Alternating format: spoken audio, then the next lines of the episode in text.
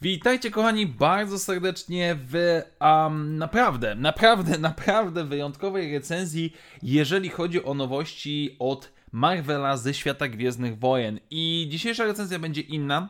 Dzisiejsza recenzja będzie nieco dłuższa, a w inny sposób poprowadzona niż zazwyczaj i wiem, lekko spóźniona, ponieważ dziś rozmawiamy o Darth Vader Into the Fire Exegol, czyli 11 zeszyt najnowszej serii komiksowej który jest jednym z ważniejszych od dłuższego czasu, jeżeli chodzi o Marvela. E, powiedziałbym, że od czasów um, Rise of Kylo Ren, e, serii komiksowej o Rise of Kylo Renie, nie dostaliśmy chyba nic tak istotnego i tak ważnego dla większego rozwoju uniwersum, a dokładnie rzecz ujmując, dla łatania mm, wszelkiego rodzaju dziur, powiedzmy, czy braków między poszczególnymi filmami, ponieważ tu po raz pierwszy, czy po raz jeden z pierwszych otwarcie udajemy się na Exegol i otwarcie próbujemy połączyć wątki, które zostały zaprezentowane.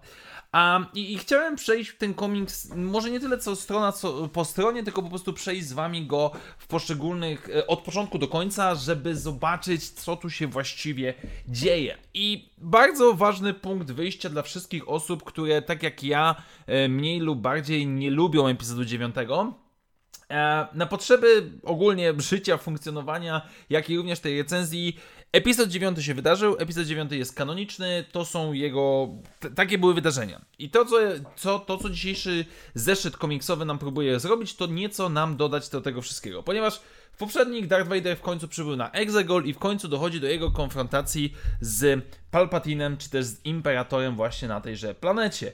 I oczywiście Imperator szanowny nasz czeka na naszego bohatera i, i od razu przedstawi jedną rzecz, z którą chyba nikt nie może dyskutować. Jakby już wcześniej to nie było wiadomo, tym razem ostatecznie Ochio w Bestun udowadnia, że jest jedną z najgorszych, jedną z najgłupszych, najbardziej wkurzających, najbardziej znienawidzonych postaci, jaka kiedykolwiek została stworzona na potrzeby, e, na potrzeby Gwiezdnych Wojen. Naprawdę jego idiotyzm, jego debilizm, jego zbędność, jego niezabawność, nieśmieszność, ach, wszystko ode mnie, od niego odrzuca całkowicie. Po prostu mówię to otwarcie i, i tutaj nawet chyba nie będę polemizował, bo nie ma z czym. On jest po prostu skończonym krytynem. E, jakby wcześniej już wiedzieliśmy o tym, ale tutaj mamy takie naprawdę mocne podsumowanie. No i oczywiście nasi bohaterowie, czy też Imperator z Palpatinem przekrzykują się przed twierdzą samego Palpatina. Vader jest oczywiście na gigantycznym potworku. No i, Greg Pak e, nie byłby sobą, gdyby nie wrzucił jakiejś walki potworów. I tym razem wielkie um, homary, wielkie kraby biją się z wielką ośmiornicą latającą kosmiczną Darta Vadera.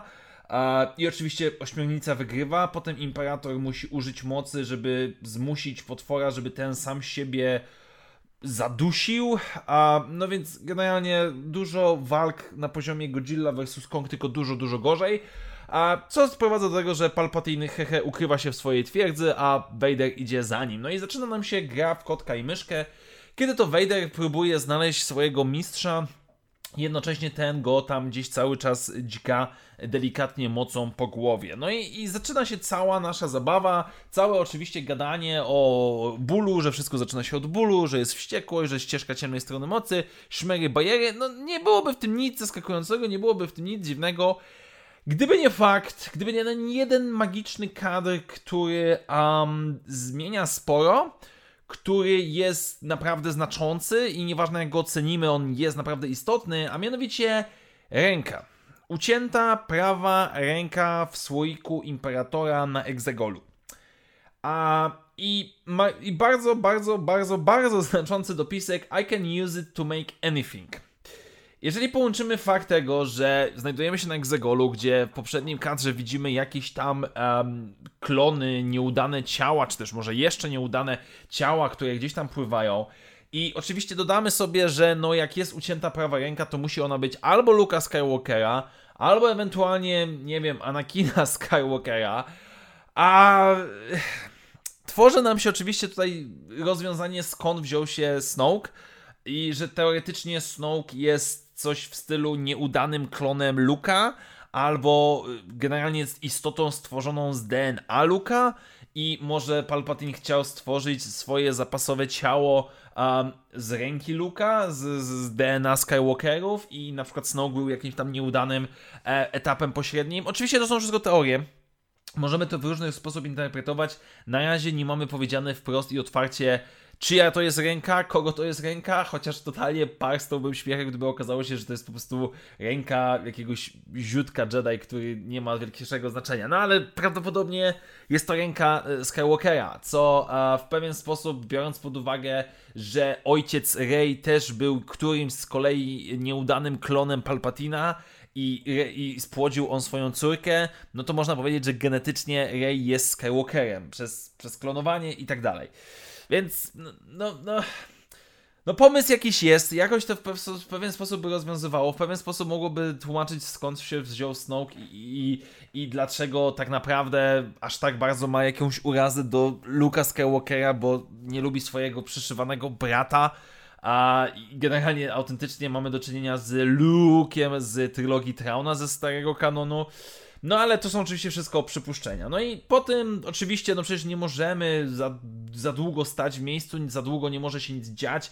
Wyskakują nam jakieś dziwne potwory, jacyś ochroniarze Imperatora, ciężko jest mi powiedzieć, którzy oczywiście się naparzają z Vaderem. Vader przez chwileczkę przegrywa, ale oczywiście za chwilę ich pokonuje żeby później a, pojawiła się cała chmara akolitów sitów, to, to jest chyba najlepsze określenie, a którzy rzucają się całą zgrają na Vadera ze sztyletami i Imperator mówi, że a, spoko, każdy, jeżeli ty upadniesz, to którykolwiek z nich może zastąpić cię na, na twoim miejscu mojego ucznia, za co Vader porywa mocą wszystkim im sztylety i zabija ich w stylu e, jądu z Strażników Galaktyki. I oni wszyscy padają i, i wyglądają jak ninja i generalnie no, no, no, kolejna przeszkoda rozwiązana. Oczy of Bestun cały czas gada, gada, gada, że Vader daj spokój, Vader no co ty?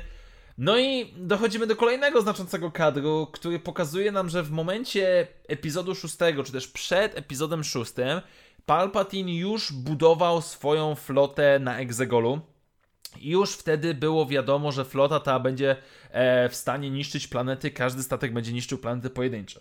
No i oczywiście można teraz sobie zadać pytanie, no to czemu, czemu Palpatine tego nie użył? Co nie jest jeszcze aż tak głupie. Znaczy się, E, możemy oczywiście tutaj to łączyć z planem awaryjnym Imperatora, z jakimś rozważaniem i, i, to planowałbym kiedyś zrobić o tym osobny materiał. Jednak kiedy zastanowimy się nad tym, a flota załóżmy składająca się ze 100 imperialnych niszczycieli, gdzie każdy z nich jest w stanie niszczyć planetę, jest ryzykowna, bo musimy mieć 100 załóg, które są bezwzględnie posłuszne imperatorowi.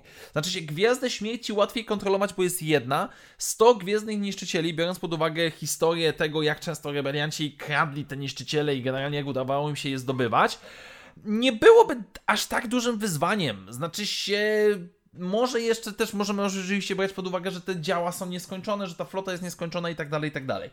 Więc y, jakby no to jest szukanie jakiegoś uzasadnienia i absolutnie nie przedstawiam tutaj ostatecznego rozwiązania, ostatecznego pomysłu. Każdy może mieć swoje podejście. No i oczywiście y, dalej, żeby zasilić całą tą flotę, dostajemy również a, gigantyczną górę, kryształu Kyber, który jest maltretowany przez akolitów Sithów po to, żeby go skrwawić, ponieważ tak jak wiemy z serii komiksowej Darth Vader od Charlesa Soula, e, Sithowie korumpowali poszczególne kryształy Kyber, żeby one były czerwone. Ja tutaj za bardzo nie jestem zwolennikiem tego, że banda e, jakichś złomiarzy dźga kamień po to, żeby jego bolało i żeby go skorumpować bo bardziej patrzyłem zawsze na to jako taki mm, walkę między Sithem a jego kryształem.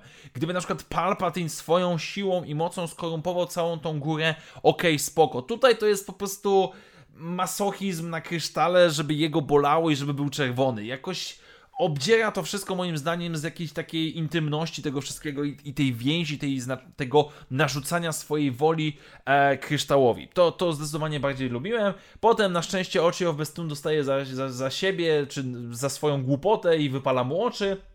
No i dostajemy ostateczną rozmowę e, Vadera z Palpatinem, kiedy to Vader idzie niczym Jezus czy Bóg szatański, bo wychodzi z wielkiej czerwieni i mówi, że jedyne co mam ci do zaoferowania to ścieżka pełna bólu, wściekłości, e, strachu i oczywiście mocy i, i to i na tej ścieżce będziesz tylko i wyłącznie cierpiał, będziesz tylko i wyłącznie ból, ale tylko ja ci mogę dać taką moc. No i natychmiast mamy um, retrospekcję, znaczy retrospekcję odwróconą, nazwijmy to w ten sposób, w której Vader ma spaść w przyp na Bespinie, a to Luke wyciąga do niego rękę i mówi, że You can destroy the Emperor, he has foreseen this, it is your destiny. Czyli i na końcu mamy pytanie, że Lord Vader, have you, uh, have you chosen? I na samym końcu, w ostatnim kadrze mamy Vadera, który niepewnie mówi tak, mój mistrzu. Um, w otoczeniu Imperatora, Ociego w Bestun, Masa Amedy i e, Slimore. Um, I generalnie zakładam, że to ma nam pokazać, że Vader teoretycznie przystąpił do Palpatina, ale w ostatniej chwili poczuł tą więź, czy też powiedzmy tą cząstkę dobroci, jasnej strony mocy, która jest w nim cały czas. Um, to, co było zapowiedziane pod koniec poprzedniego arku historycznego, którego dostaliśmy po polsku. No i to jest zakończenie tego komiksu i ten wątek raczej na razie nie będzie kontynuowany, ponieważ zaczęło się War of the Bounty Hunters i Vader również bierze w tym udział. Więc tak, um, nie oszukujmy się, jest to komiks, który jest istotny, który jest ważny, który w jakiś sposób próbuje połączyć to, co się działo w starej trylogii z nową trylogią, w szczególności z epizodem 9. Tworzy to jakąś ścieżkę do wyjaśnienia pod Palpatina, e, pod jak Palpatine przeżył, wyjaśnienie pod Snowka i da się tutaj nawet wymyśleć jakąś tam całą teorię, którą można lubić, której nie można lubić, ale no to ja, ja mówię z własnego doświadczenia, bo jakkolwiek powrót całego Imperatora, jego kombinowanie, knowanie, klonowanie absolutnie mi się nie podoba i dla mnie jest to po prostu powtórka do starego kanonu e, i nic więcej, no to jest. I okej, okay, fajnie, że panowie tworzycie to, w jaki sposób to łączycie. Czy to jest wina twórców, że ten komiks tak wyszedł? No niektóre pomysły oczywiście są, ale większość z nich jest narzucona przez epizod 9, bym powiedział. Czy to dobrze, czy to źle, każdy z was musi ocenić samodzielnie. A dla mnie, no, przynajmniej próbują jakoś to połatać, przynajmniej w jakiś sposób to jest łączone, ale absolutnie nie mogę powiedzieć, że jestem tym zachwycony. Po prostu czytając ten komiks, a pomijam już, że po prostu mroczne mambo jumbo o sitach nigdy mnie już nie będzie chyba jarać, bo dla mnie to brzmi jak po prostu edgy 16-latkowie, którzy opowiadają, jacy są mroczni i trochę to tak wygląda w tym komiksie. Z drugiej strony jestem, najbardziej wiecie co mi przeszkadza? Chyba fakt tego, że ta przemiana Vadera między epizodem 5 a 6 tak została poprowadzona. Znaczy się, bo to jest y, trudne przedstawić, dlaczego Vader w sumie z tego złego kolesia w piątki, w szóstce już jest tak rozchwiany przez swojego syna i tak dalej. I moim zdaniem tutaj nie wyszło to za dobrze. Moim zdaniem niestety nie jest git. I zobaczymy. Teorii będzie mnóstwo, jak to wszystko się ostatecznie połata, zobaczymy. No jest to jeden z ważniejszych zeszytów a najnowszych Gwiezdnych Wojen, powiedzmy, ostatnich lat przynajmniej. I trzeba go zaakceptować. Więc jestem naprawdę, naprawdę ciekaw, jak wy na to wszystko patrzycie, jak wy na to obserwujecie, bo ja jakby akceptuję ale absolutnie nie jestem zachwycony. Jakby nie jest to moja bajka, dobrze, niech będzie na, na potrzeby, że tak powiem, e, encyklopedyczne, przyjmuję, że tak było i tyle. Ale autentycznie jestem ciekaw, co wy na ten temat sądzicie.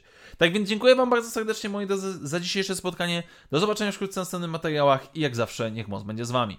Na razie, cześć!